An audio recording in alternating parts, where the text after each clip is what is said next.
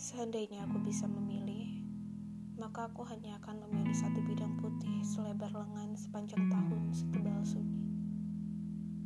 Yang kugantung tanpa tali setinggi memori. Di atasnya akan kuletakkan perkakas rumahku. Tumpukan debu dan berita lama yang membentuk gambar pohon. Pohon kaktus yang durinya mencocok jantung sendiri boneka beruang dengan ikal yang menutupi lubang di dada. Gadis kecil berbaju putih bermata hitam. Mata itu tak pernah berkedip, yang langkahnya segetas gelas.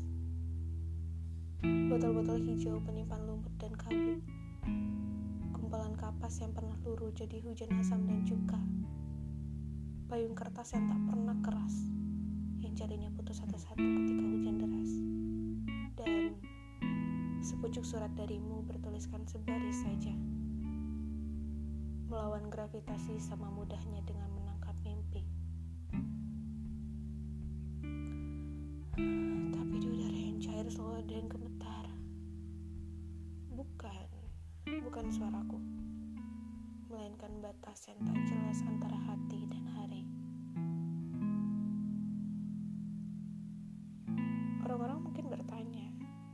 Mana perkakas hatimu?